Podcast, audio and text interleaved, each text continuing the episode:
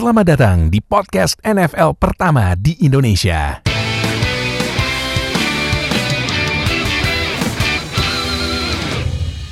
Baik sama gue Fadil host kalian di Zero Note Podcast. Nah kemarin udah bikin list top 5 inside linebacker tahun 20, musim 2020 pasti langsung apaan nih bukan Bobby Wagner lah emang bukan gimana?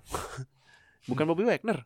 Nah uh, tapi kan uh, ini kita udah udah sekarang kan tanggal 10 10 berarti 20 30 sekitaran tiga minggu lagi ya menuju NFL draft. Kalau bulan puasa itu udah minggu kedua minggu ketiga puasa loh. Minggu kedua tiga puasa. Nah semoga nggak bolong semoga ya.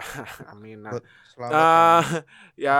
Selamat terus puasa. jadi nah jadi yaudah kalau gitu langsung aja nih bareng lagi Julian sama Noha. Eh, kita bakal bikin Oh, kita bakal bikin eh eh, iya kita bakal bikin draft prospek top 5 rookie inside line eh inside linebacker ya. In- linebacker lah. iya. Iya linebacker linebacker ya boleh boleh. Nah. Jadi udah Linebacker, kalau gitu linebacker. dari ini dulu deh dari Noha dulu Nur. Lu nomor 5 siapa?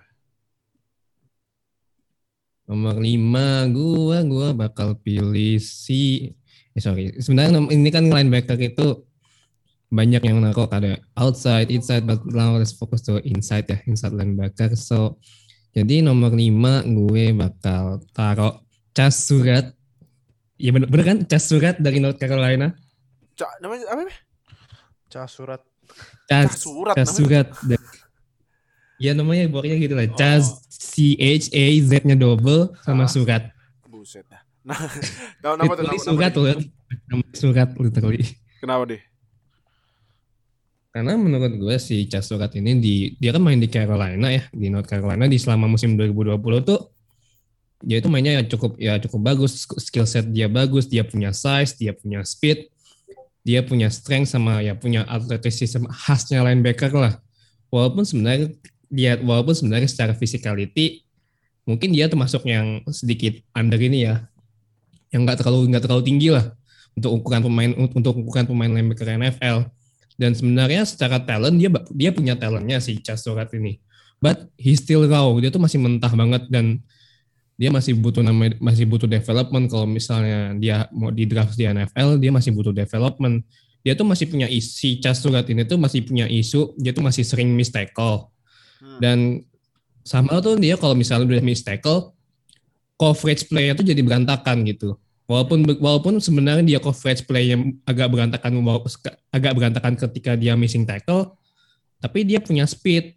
Jadi sebenarnya agak apa sebenarnya dengan speednya dia itu follow follow-nya si Casura tuh agak ketutup dengan kecepat apa speednya dia ketika ngejar ngejar pemain buat tackle. Misalnya kayak ngejar running back atau ngejar wide receiver yang ya baru baru baru nangkep bola itu tuh sebenarnya masih bisa, masih bisa dikejar sama Casurat dan statistik dia di 2020 ya sebenarnya ya cukup oke lah 6 sacks terus 6 tackle for loss 91 tackle sekali force fumble.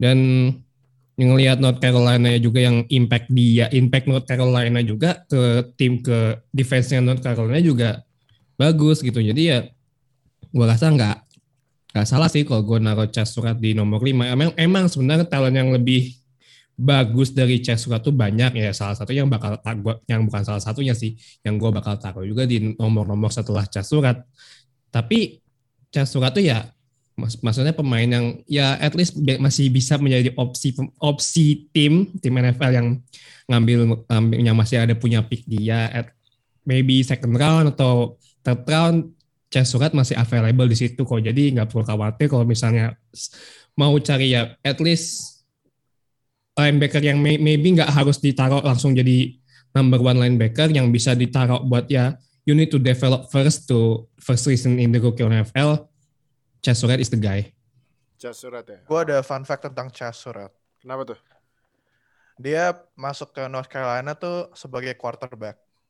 Serius? Terus di iya di di 2017 redshirt freshman season dia main quarterback. Terus Aha. 2018 juga quarterback jadi starternya tapi ada season ending injury kayak season ending wrist injury. Terus abis em, dia recover dari itu ngomong sama head coachnya waktu itu di North Carolina Terus kayak eh, dia di transisi ke defensive end. Nah, Aha. terus pas coachnya ganti jadi Mac Brown, itu dia considering buat transfer. Tapi abis diskusi sama head coach barunya, he decided to stay, terus kayak main jadi linebacker. Hmm. Makanya tadi Nuha bilang kan dia masih raw banget karena dia em, kayak setengah season dia ya eh setengah karir dia di college dia mainnya jadi eh, quarterback gitu. Tapi kalau dia jadi quarterback, buat ini gak sih?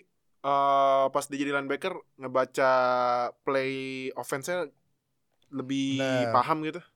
Setuju setuju. Bukan kalau ada orang bilang kalau jadi Mike linebacker terutama ya itu kan quarterback defense gitu ya. Mungkin Iya, itu tran- mungkin Betul, uh, betul. football IQ-nya trans, trans- translate gitu ke ke posisi dia sebagai linebacker tapi ya itu maksudnya masih ada inilah miss tackles lah atau mungkin Ah. miss assignments gitu.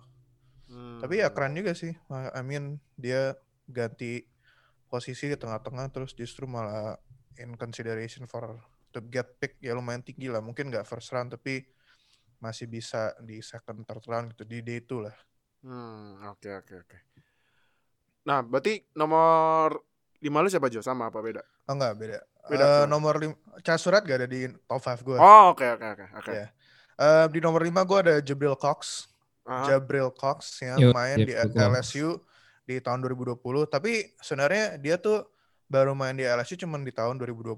Sebelumnya dia main di FCS. Em, di ini timnya eh, Trey Lance di North Dakota State. Mhm. Nah dia dari di North Dakota State very accomplished. Kayak kalau nggak salah dia menang dua national championship-nya di level FCS. Mhm. Nah, tapi terus dia untuk um, senior seasonnya di set untuk pindah up, uh, ini ya naik kelas ya ke FBS, terus main di LSU gitu.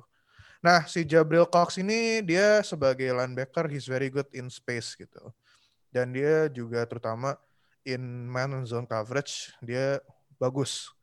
Um, dia skill setnya bisa match up sama tight end, running back, sama some slot receivers lah. Mungkin kalau bukan yang super speedy ya slot receiversnya gitu. Terus juga dia range-nya bagus. Terus juga ini motor motornya bagus. Jadi dia inilah apa hustle for place gitu. Terus juga dia bisa um, cover sideline to sideline gitu. Terus one thing yang buat dia jago banget sebagai bukan nggak jago banget sih, tapi maksudnya ya bagus as a um, cover linebacker itu dia hips hip movementnya bagus kayak it's very fluid. Jadi itu membantu dia banget untuk change direction gitu tanpa kehilangan momentum dan speed. Makanya dia bisa match up sama uh, tight end sama running back terutama gitu. Cuman Hmm. ini si um, si Jabril Cox ini ya dia it- terhitungnya ada beberapa aspek dari permainan dia yang masih agak raw mungkin ya itu karena efek dia mainnya di FCS for three years terus juga pas main di LSU di SEC juga cuma satu season dan itu juga um, season yang shorten dengan COVID kan.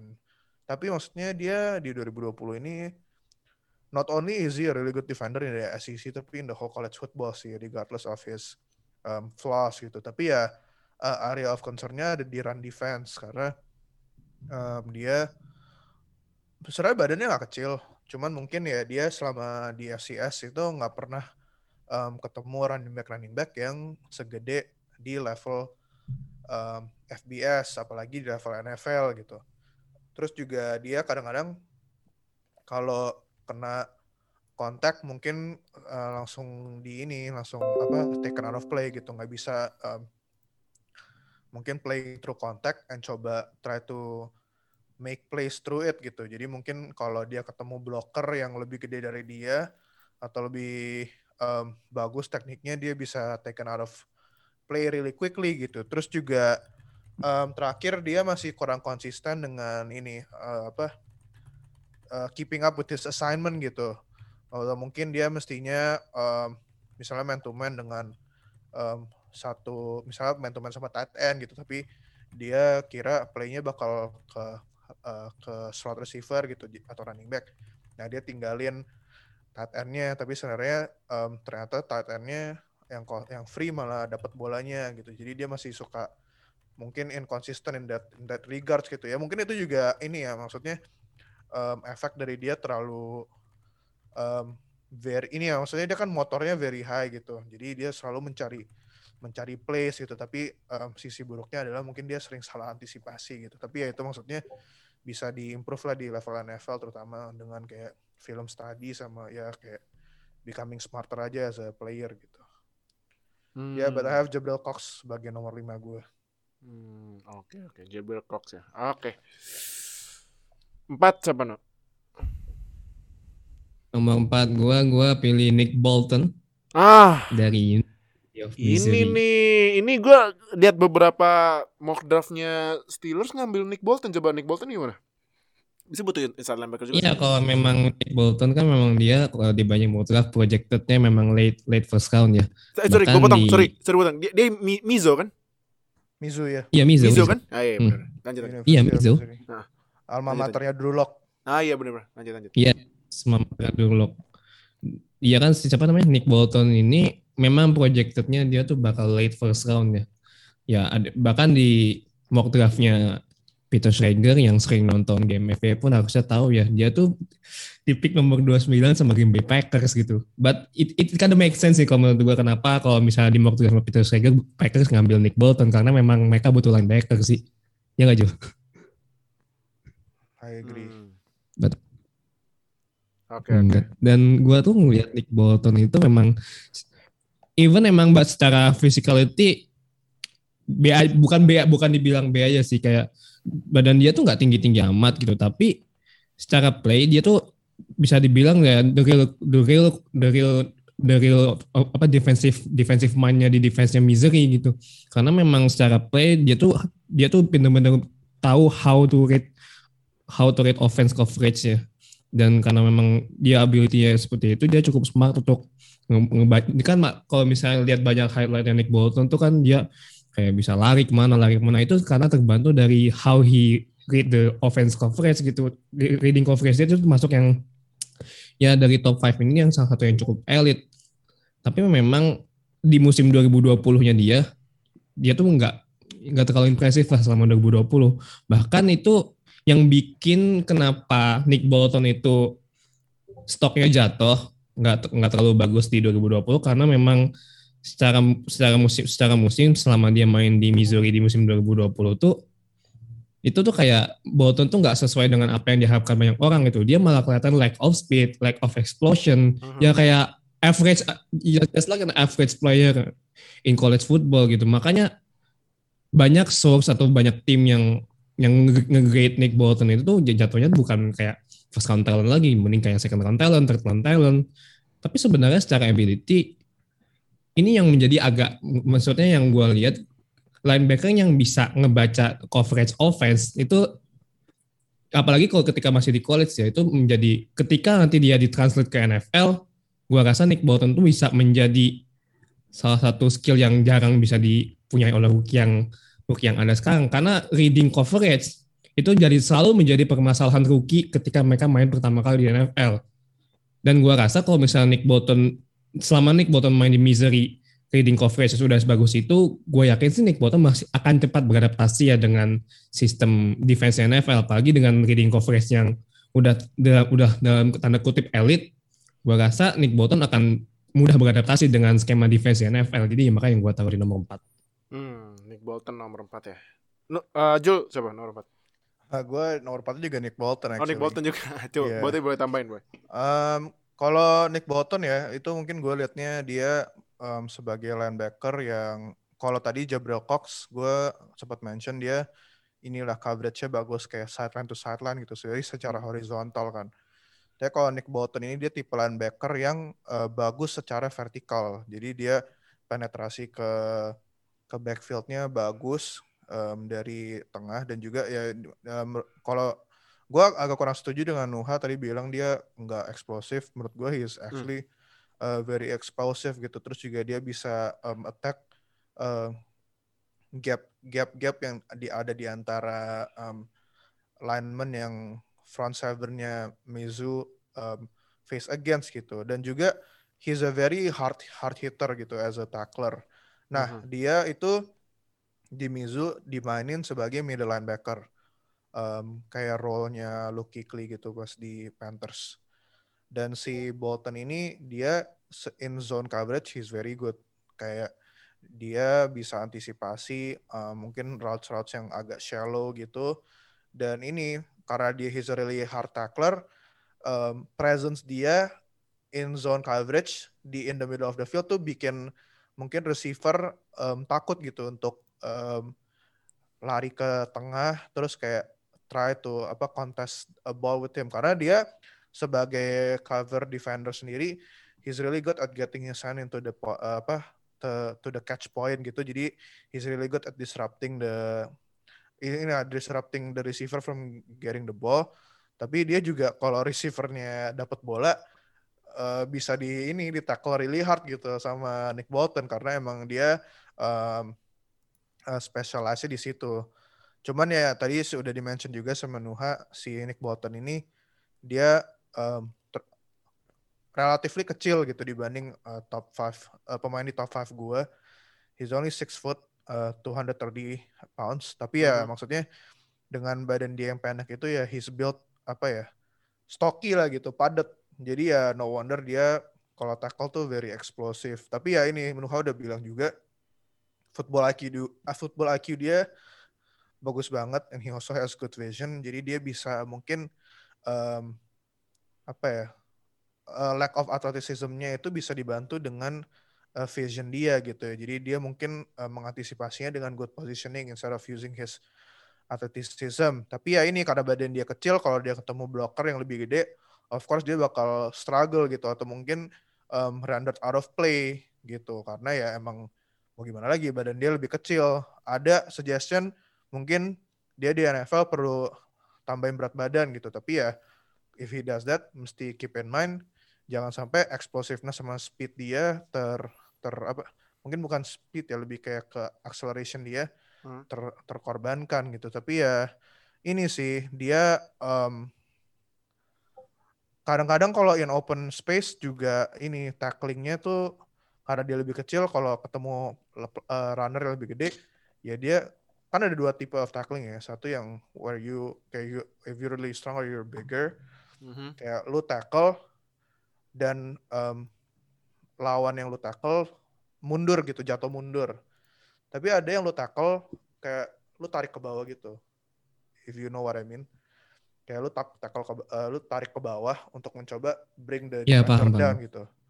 Nah si Nick Bolton itu yang tipe kedua karena emang badan dia eh, dibanding mungkin some some runners ya lebih kecil gitu terutama kayak running back running back. Nah itu juga sama dia walaupun eh, eksplosif tapi eh, long- apa top end speednya agak kurang. Jadi kalau misalnya in open space dia di burn sama pemain dia nggak bakal bisa kejar gitu untuk kayak try to stop the player from scoring ya, ya maksudnya Hmm. berat apalagi kalau nggak ada bantuan safety gitu ya for like a long play gitu dia bakal nggak almost jadi non factor lah gitu itu sih kurangnya Hmm, oke oke oke. Oke, eh no, nomor tiga siapa? Nih, gue gue kayaknya expect satu nama nih.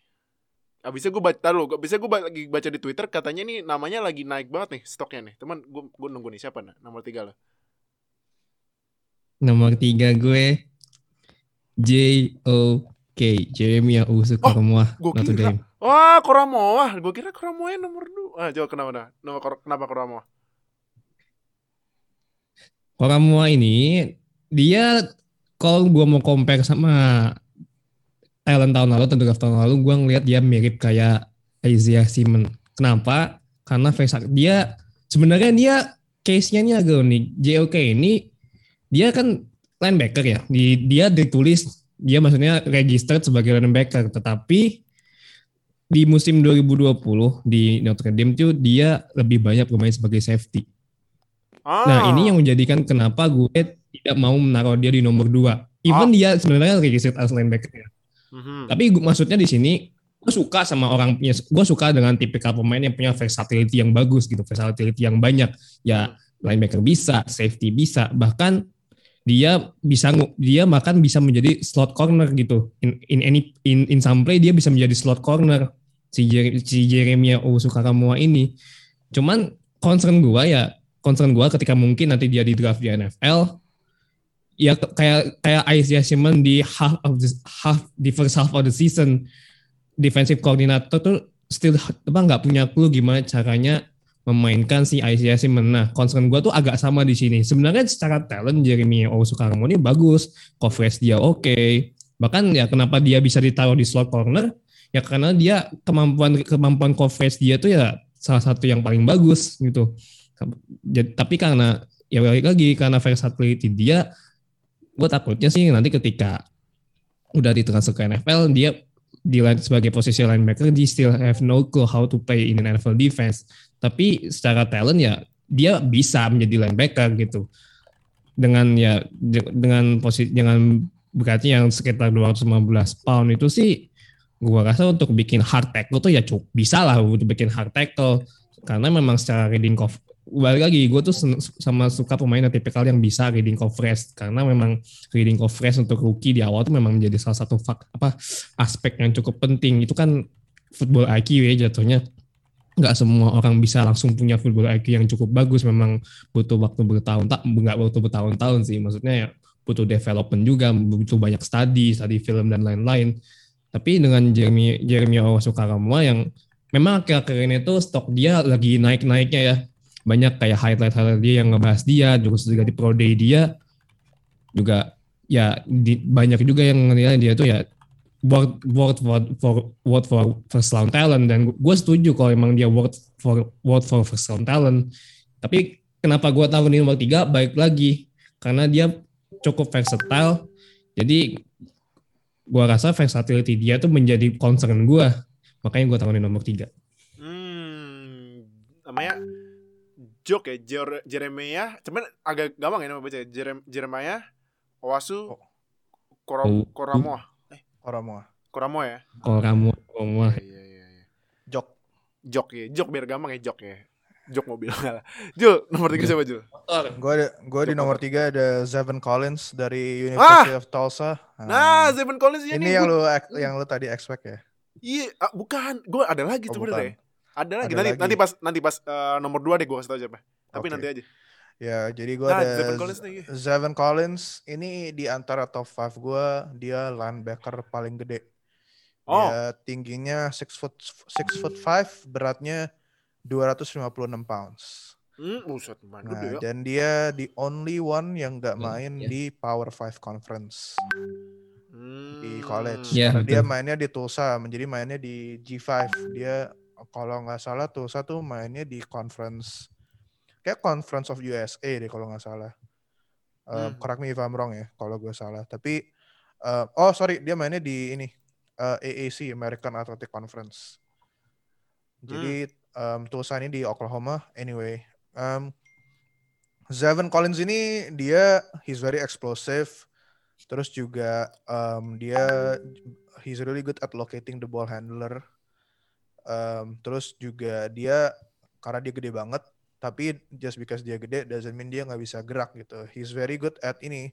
Um, pertama dia he's really good at defeating his blocks gitu. Jadi ini dia mainly mainnya sebagai ini ya outside linebacker yang um, sering kali ngerush the the passing passer gitu atau mungkin hmm. untuk run defense gitu. Um, he's also really good at changing his direction. Tapi yang salah satu strength dia yang paling besar yang membuat dia jadi first round prospect itu adalah ini balance dia saat dia lari um, round the edge gitu um, around the tackle untuk get untuk penetrate backfield biar bisa uh, get to the quarterback.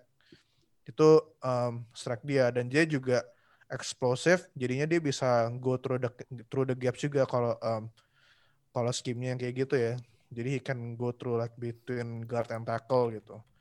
Dan dia walaupun gede in space juga lumayan jago gitu kayak um, lateral move dia tuh very fluid kayak hmm. foot footwork dia bagus dan dia juga untuk uh, short distance inilah ada ada speed itu untuk mengejar.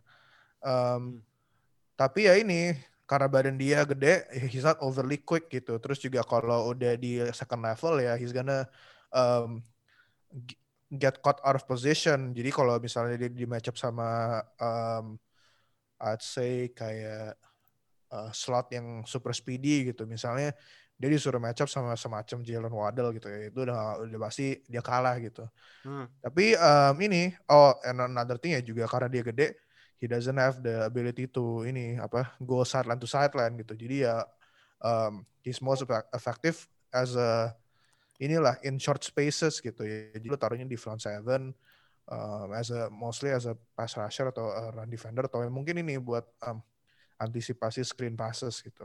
Tapi dia um, apa he's very productive gitu in the 2020 season walaupun cuma main 8 game. Tapi ya stats dia nggak cuman um, something yang diproduce dari apa yang di expect dari pemain yang mainnya di front seven gitu. Tapi Hmm. dia juga ada dia gua gua lihat saja stats dia ya jadi dia ada 54 tackles 7,5 itu tackles for loss Hmm. 4 4 sacks nah Hmm. terus ada 4 interception Mhm. dua pass deflection, dua force fumble, satu safety, sama satu fumble recovery. Nah, jadi dia in all apa in all defensive stats dia ada productionnya gitu. Terus juga kan dia ada empat interception. Mhm. Nah dua dari interceptionnya itu dia itu pick six. Oh, pick six. And itu dua pick dua pick six itu total yardsnya 156 return yards gitu. Buset, Jadi maksudnya ya he can run tapi ya nggak nggak terlalu cepat lah. Tapi maksudnya dia he's he can run enough that he can score a pick a pick six Pick yang six ya. totalnya di atas dua pick six yang totalnya di atas 150 yards gitu. Gila, lumayan ya. Lumayan jauh juga Ya. tuh 150. Ah. Um, kalau Zavon Collins ini mungkin I wouldn't say ceilingnya eh, ini ya, gue bakal compare dia ke Khalil Mack, tapi bukan in terms of ceiling, Ah. tapi lebih kayak inilah cara cara main dan pemakaiannya gitu di di di apa di di defense. Ah. Jadi kayak Khalil Mack di ini di Bears yang Khalil apa Mack ya? apa jadi linebacker outside linebacker yang mungkin sering line up-nya di edge gitu. Mungkin udah Ah. kayak udah kayak hitungannya eh, apa defensive end lah gitu kayak edge rusher tapi ya tetap eh, designation-nya outside linebacker. Nah, Zaven Hmm. Collins ini. Dan ini loh maksudnya dia dengan badan segede itu his kalau nggak salah di di pro day dia 40 yard dash dia 4,7 ya. 4,7 4,7. sack 4,7 Lumayan. detik. Ya, jadi he's very explosive and very very athletic. Hmm, Tapi oke, ya oke, itu in in short spaces aja karena badannya gede. Hmm, Seven Collins ya. Hmm. Oh, oke oke oke. Nah, ini kan nomor dua ya. Nah, gue tuh tadi ini, Hmm. gue tadi tuh baca di Twitter katanya siapa gitu ada ada ininya ada ada yang bilang em, ada satu prospek linebacker yang lagi naik stoknya. Boleh gue tebak gak? Siapa? Baron Browning bukan? Bukan, Oh bukan. bukan. Ah, ini Damin dari ini bukan Jamin Davis bukan. Ah, tuh Jamin Davis, Jamin Dav Jamin Davis. Tuh, Jamin Davis. Katanya, ini ini gue baca dari Mike Renner via Good Morning Football katanya I think Jamin Davis could sneak his way into first round loh gila. Nah, itu gimana menurut lo? Jamin Davis. Salah satu aja salah satu. Nuha deh yang mention. No, ah, no, karena lo Karena kan dia, karena dia kan yang bener guessnya. Kalau dilihat kenapa sih ya Jamin Davis tuh bisa kayak tiba-tiba stoknya naik karena memang di musim 2020 sama dia kan main di Kentucky ya, Kentucky Wildcats. Dia tuh dia tuh bikin 89 tackle dan satu sack, satu force fumble dan dua interception. Dan secara fisik sebenarnya ini secara physicality sangat comparable sama Zevin Collins ya. Dia tingginya 6 foot 4, ya gede banget lah sebagai linebacker. Jadi ya dia tuh punya size, punya speed dan coverage dia tuh bagus. Jadi kenapa tiba-tiba stoknya naik karena memang dia main di season 2020-nya juga terbilang oke gitu. Emang sih dia bahkan yang ada beberapa dia bakal naruhnya tuh bisa menjadi rich juga. Sebenarnya sih kalau menurut gue Jamin Davis tuh sebenarnya technically second round talent ya. Maksudnya he can get even higher emang bisa. Dan he- but dia tuh masih punya banyak flow yang flow dia tuh salah satu yang gua yang gue tahu yang gue baca-baca itu dia termasuk pemain yang bukan coverage sih jatuhnya kayak kurang lebih tuh concern dia iya sih concernnya tuh memang walaupun memang badannya gede reading cov- coverage dia coverage defense dia tuh masih menjadi PR dan dia tuh baru menjadi full starter itu di 2020 Oh. Jadi, oke. dia selama dia dia dan maksudnya kan selama dua tahun main sebelumnya di musim 2019 dan 2018 dia itu ya cuma ya technically cadangan lah gitu.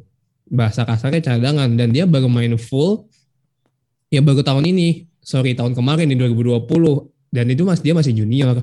Jadi kenapa kenapa tiba-tiba stoknya naik ya karena dia mainnya bagus di, di 2020 tapi itu kan dia baru baru sekali main ya, baru benar-benar full starter main si Jamin Davis. Jadi banyak analis tuh yang belum banyak tahu kalau misalnya dia main selama main lebih dari setahun tuh how he gonna develop Hmm. his his, his skill gitu. Jadi makanya gua gua menilai memang agak rich kalau misalnya dia diambil di first round.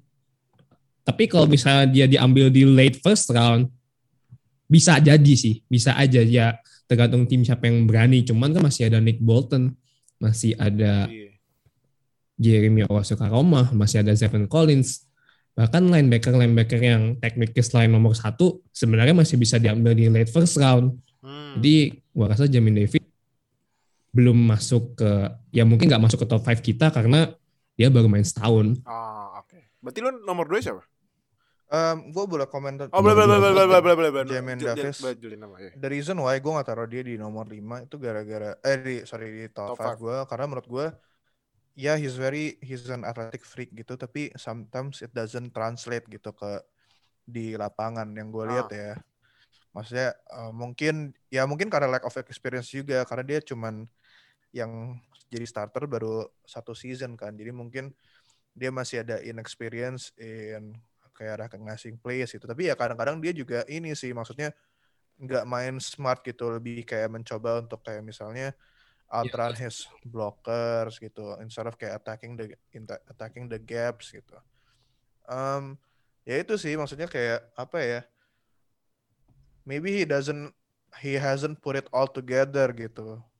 Malah eh, kalau kalau kita ngomong gampangnya ya, jadi mungkin dia ceilingnya tinggi tapi I don't think he's pro ready yet gitu sebagai linebacker. Apalagi kalau dia disuruh mainnya inside linebacker gitu and he needs to be developed well. Kalau enggak ya ini ntar jadi kayak linebacker linebackernya Green Bay Packers itu yang suka miss assignments terus bisa kayak runner runner kayak kosong nggak di nggak dijaga gitu kayak udah 30 yards down the field baru di tackle gitu ya mungkin he can uh, make it uh, make it up with his athleticism gitu tapi maksudnya for him to be a first round talent kan of course nggak cuman itu doang gitu he has Mhm. to be able to anticipate plays terus juga uh, making sure that uh, he doesn't give up big plays gitu yang itu yang gue lihat yang dia belum punya untuk bisa konsisten di di level NFL Hmm.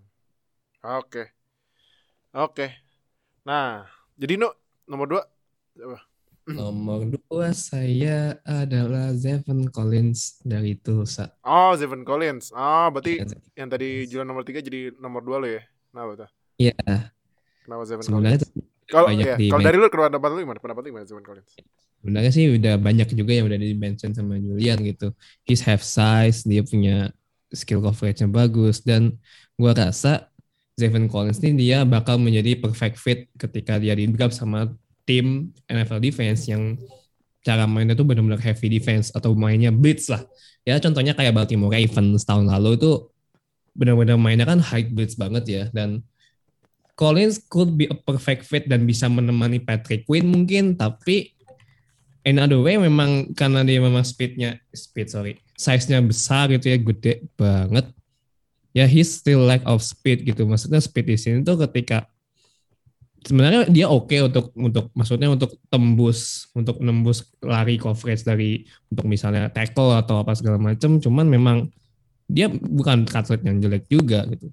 Dengan physicality dia gede ya ya maksudnya ya lu punya ba- badan segede itu ya larinya nggak terlalu kencing sih. Sebenarnya juga masih bisa dimaklumi sih sebenarnya. Nggak maksudnya flow dia tuh ya minor sih. Kalau menurut gua tuh flow yang minor speed itu nggak terlalu ngaruh kalau misalnya dia bisa reading coverage dengan bagus. Apalagi gue gue gue ngeliat dia tuh bakal menjadi perfect fit untuk kayak tim yang heavy defense contoh kayak Baltimore kayak Dolphins yang tahun lalu juga di musim lalu juga secara defense benar-benar meningkat drastis ya. Apalagi untuk front seven mereka ya akhirnya mereka bagus lagi dan bisa bikin 10-6 karena defense-nya.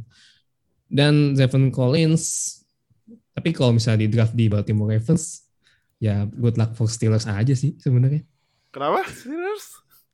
Uh. kalau misalnya Ravens ini ya ng- ngambil Zevon Collins ya good Wah. luck aja deh buat Steelers Tapi tapi serius deh, gue kalau komentar dikit ya, kalau nih ya kan emang Steelers pasti banyak eh expert bilang cari cari cari RB lah, cari RB. Enggak, gue justru justru ya gue kalau misalnya Steelers ngambil linebacker di first round gue nggak komplain makanya hmm, bagus nggak apa-apa karena depth linebackernya jelek Bisa bisa saya. bisa gantiin ini ya Batu Pri ya.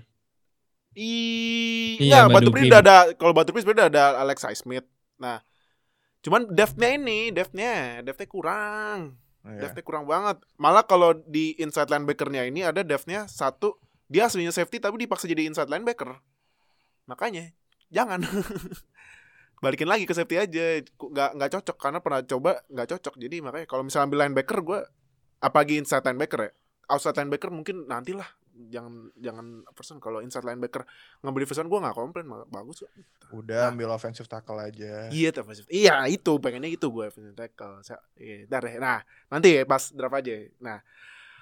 eh, Tapi kalau misalnya kayak Steelers ngambil Zevon Collins masih ini loh masih masuk akal loh karena dia kalau di ini ya di top 5 gua Zevon Collins ini salah satu linebacker yang the best the best playmaking playmaking linebacker. hmm, Zevon Collins ini Ya. kan eh, Mirip look Zevon Collins Gimana? outside linebacker kan? Iya.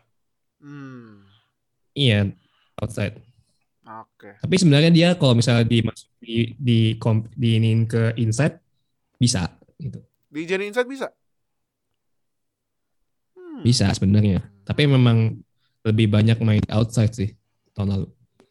Hmm, oke, Gue oke, agak kurang setuju sih dengan dengan itu ya. Eh, kenapa, kenapa, kenapa? Kalau kenapa? Ya maksudnya karena dengan ini yang dengan badan dia yang gede, dia bisa ini bisa cut get, get cut off guard gitu dengan misalnya dia di match up sama kayak tight end semacam Kyle Pitts gitu, udah bakal ke bird gitu.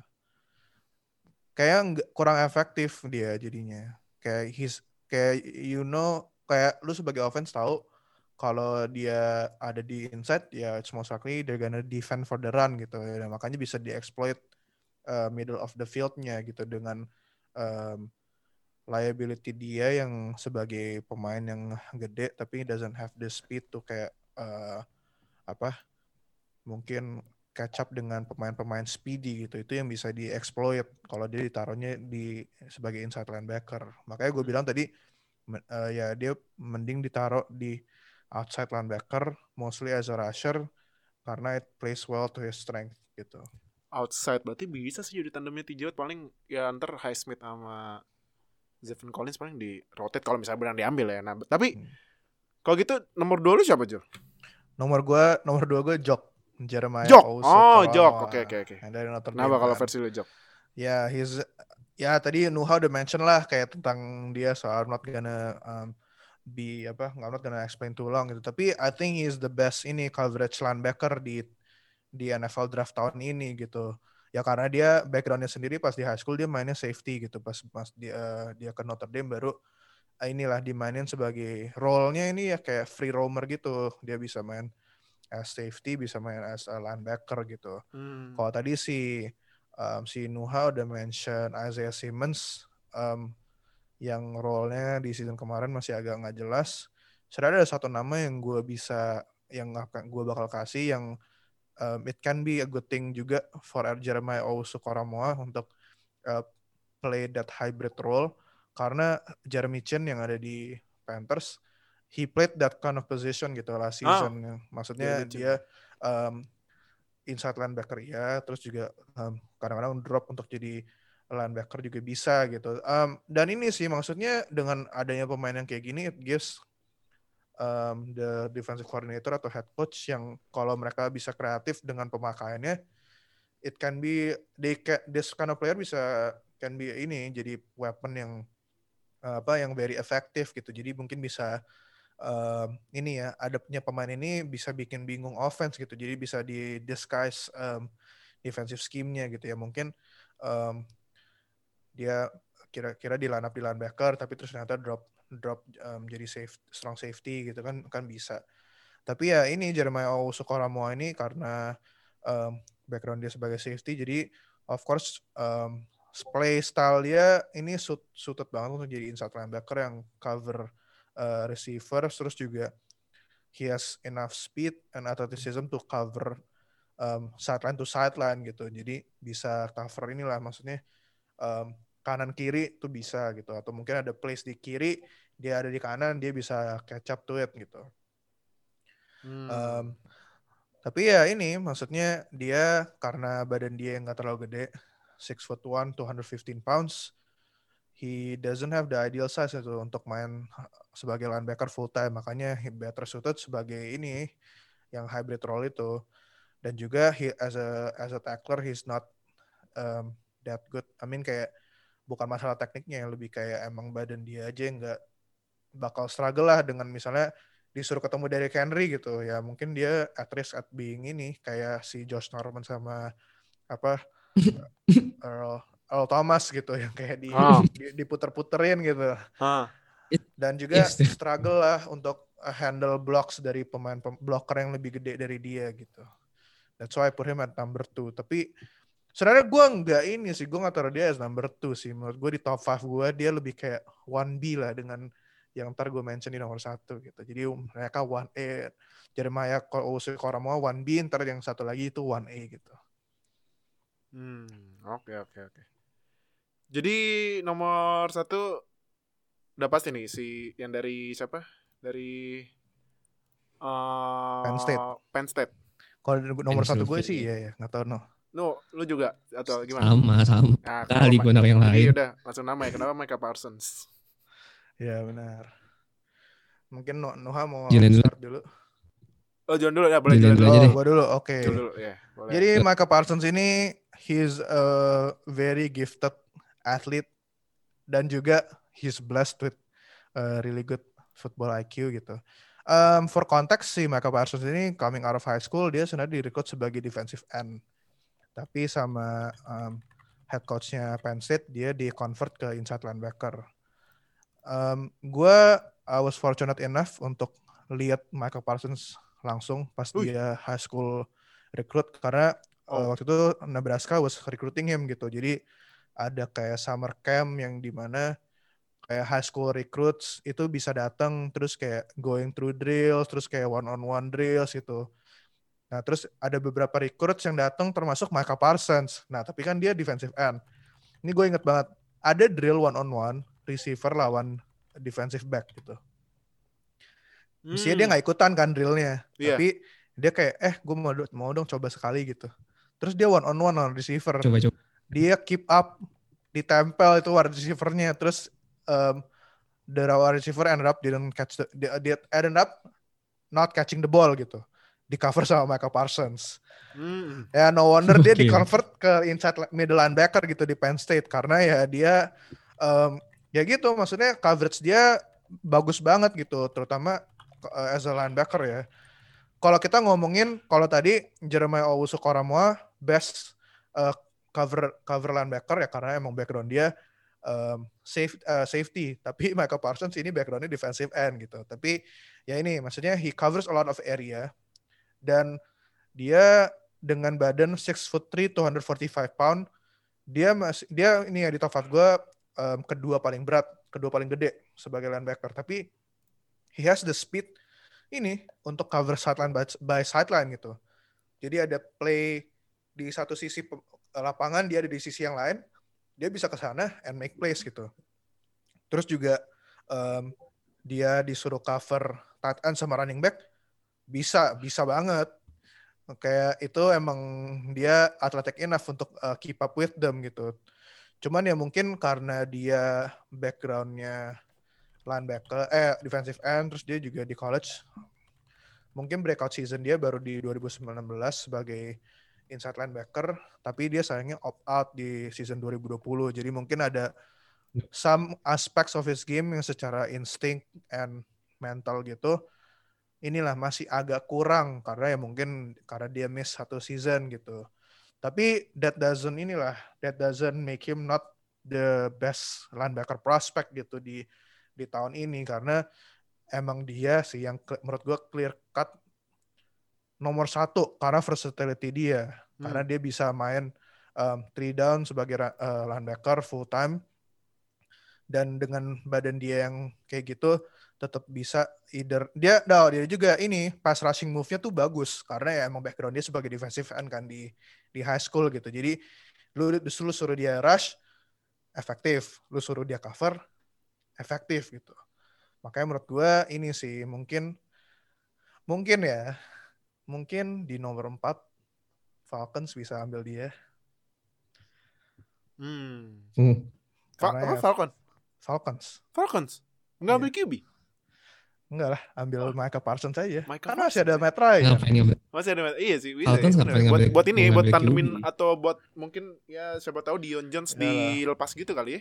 Maksudnya kayak Falcons kan udah sejak yang Vic Beasley yang tahun mereka ke Super Bowl habis itu nggak ada lah linebacker yang yang apa efektif gitu buat mereka. Mungkin it's time to uh, take Micah Parsons gitu. Karena kalau di offense sendiri kan sebenarnya they have all the ini ya, the pieces that they need to be successful gitu. Cuman ya kita tahu uh, beberapa season belakangan ini ya sejak itu yang sejak mereka Super Bowl ya defense mereka sih yang yang melempem banget gitu nggak bisa apalagi di NFC South yang uh, apa off, lawan offense offense yang explosive gitu termasuk um, Panthers gitu yang sekarang udah ada Robbie Anderson terus masih ada CMC terus ada DJ Moore gitu. Dan we all know ya Saints sama Sam Darnold. Saints sama Buccaneers. Ya sama Sam Darnold di Panthers. Saints sama Buccaneers juga offense-nya uh, kenceng gitu gitu.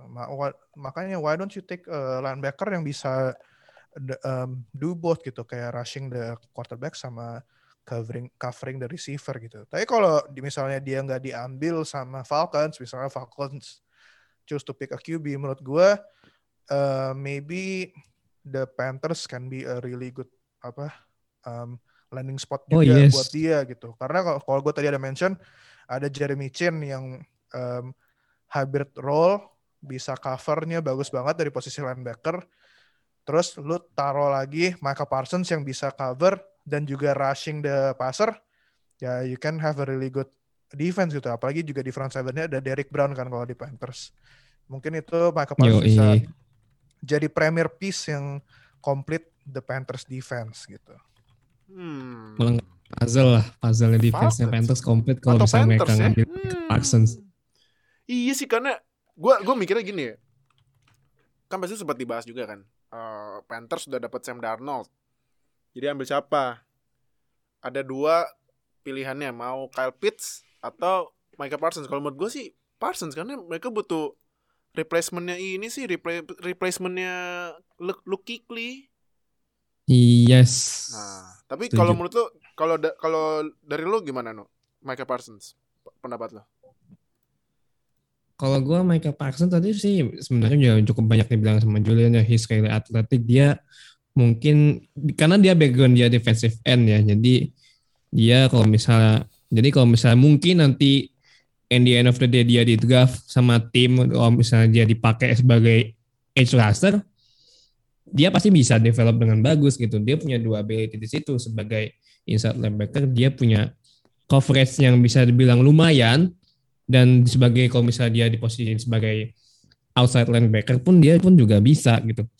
Zone coverage-nya dia bagus apalagi kan banyak dia cukup termasuk cukup smart untuk untuk menyembunyikan dirinya di untuk untuk blitz Paxton tuh cukup cukup pintar menurut gua untuk melakukan hal itu karena kan kalau blitz kan memang apa motionnya blitz kan harus kalau bisa jangan sampai terlalu terlihat oleh quarterback gitu dan somehow Parsons he can do that.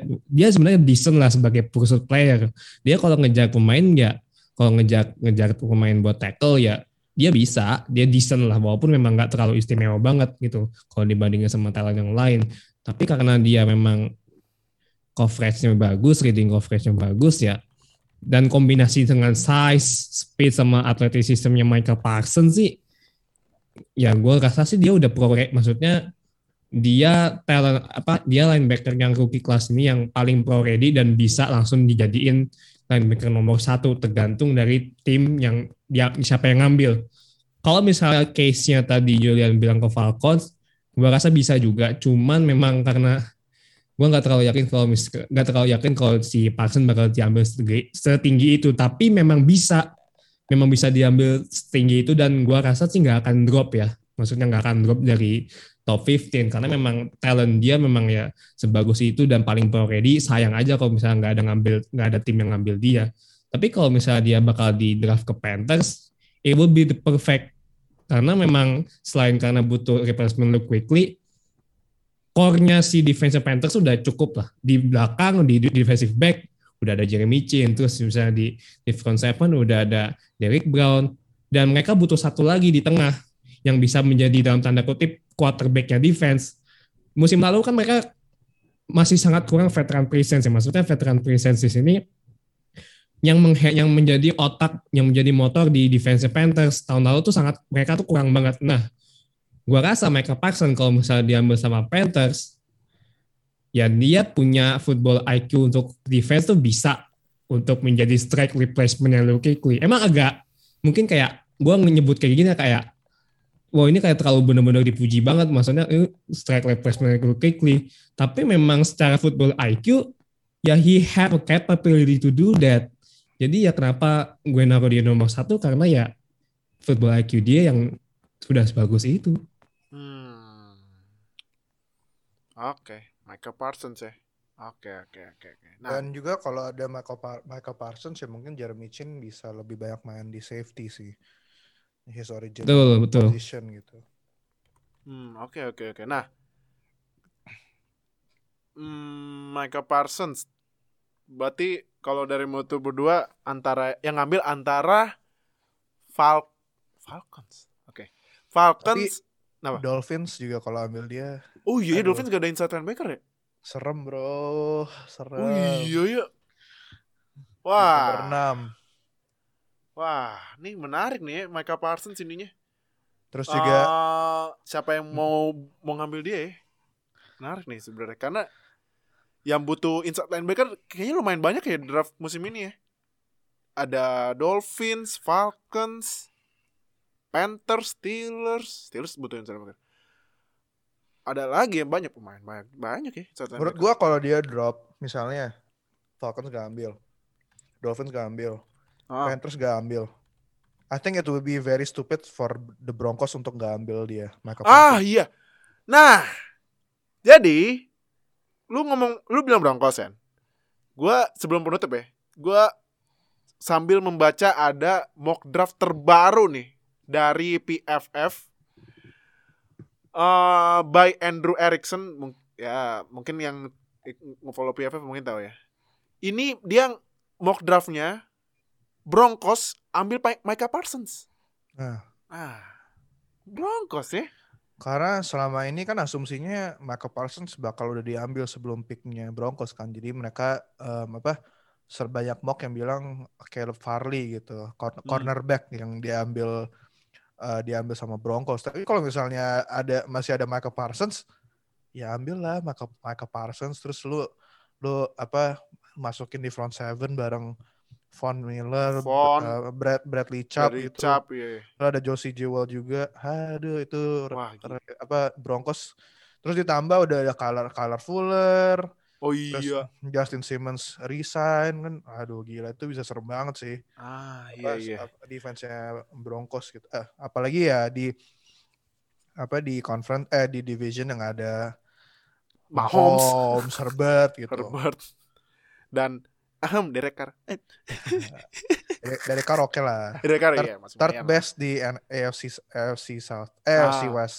AFC West ya ya. Oke, nah jadi itu top 5 draft prospek linebacker versi Julian sama Nuha kalau kalian gimana uh, pendapatnya langsung aja tulis di komen nonton nah sebelum gue penutupan nih netizen udah minta mock draft kapan nih rilis ayo dong mock draft dit- ditunggu aja pasti sebelum draft keluar kok. Sebelum draft ya, berarti itu berarti ini mock draftnya nggak pakai yang 1.0, 2.0 kayak Bucky Brooks, Daniel Jeremiah sama yang lain-lain. Ini udah fix gitu ya.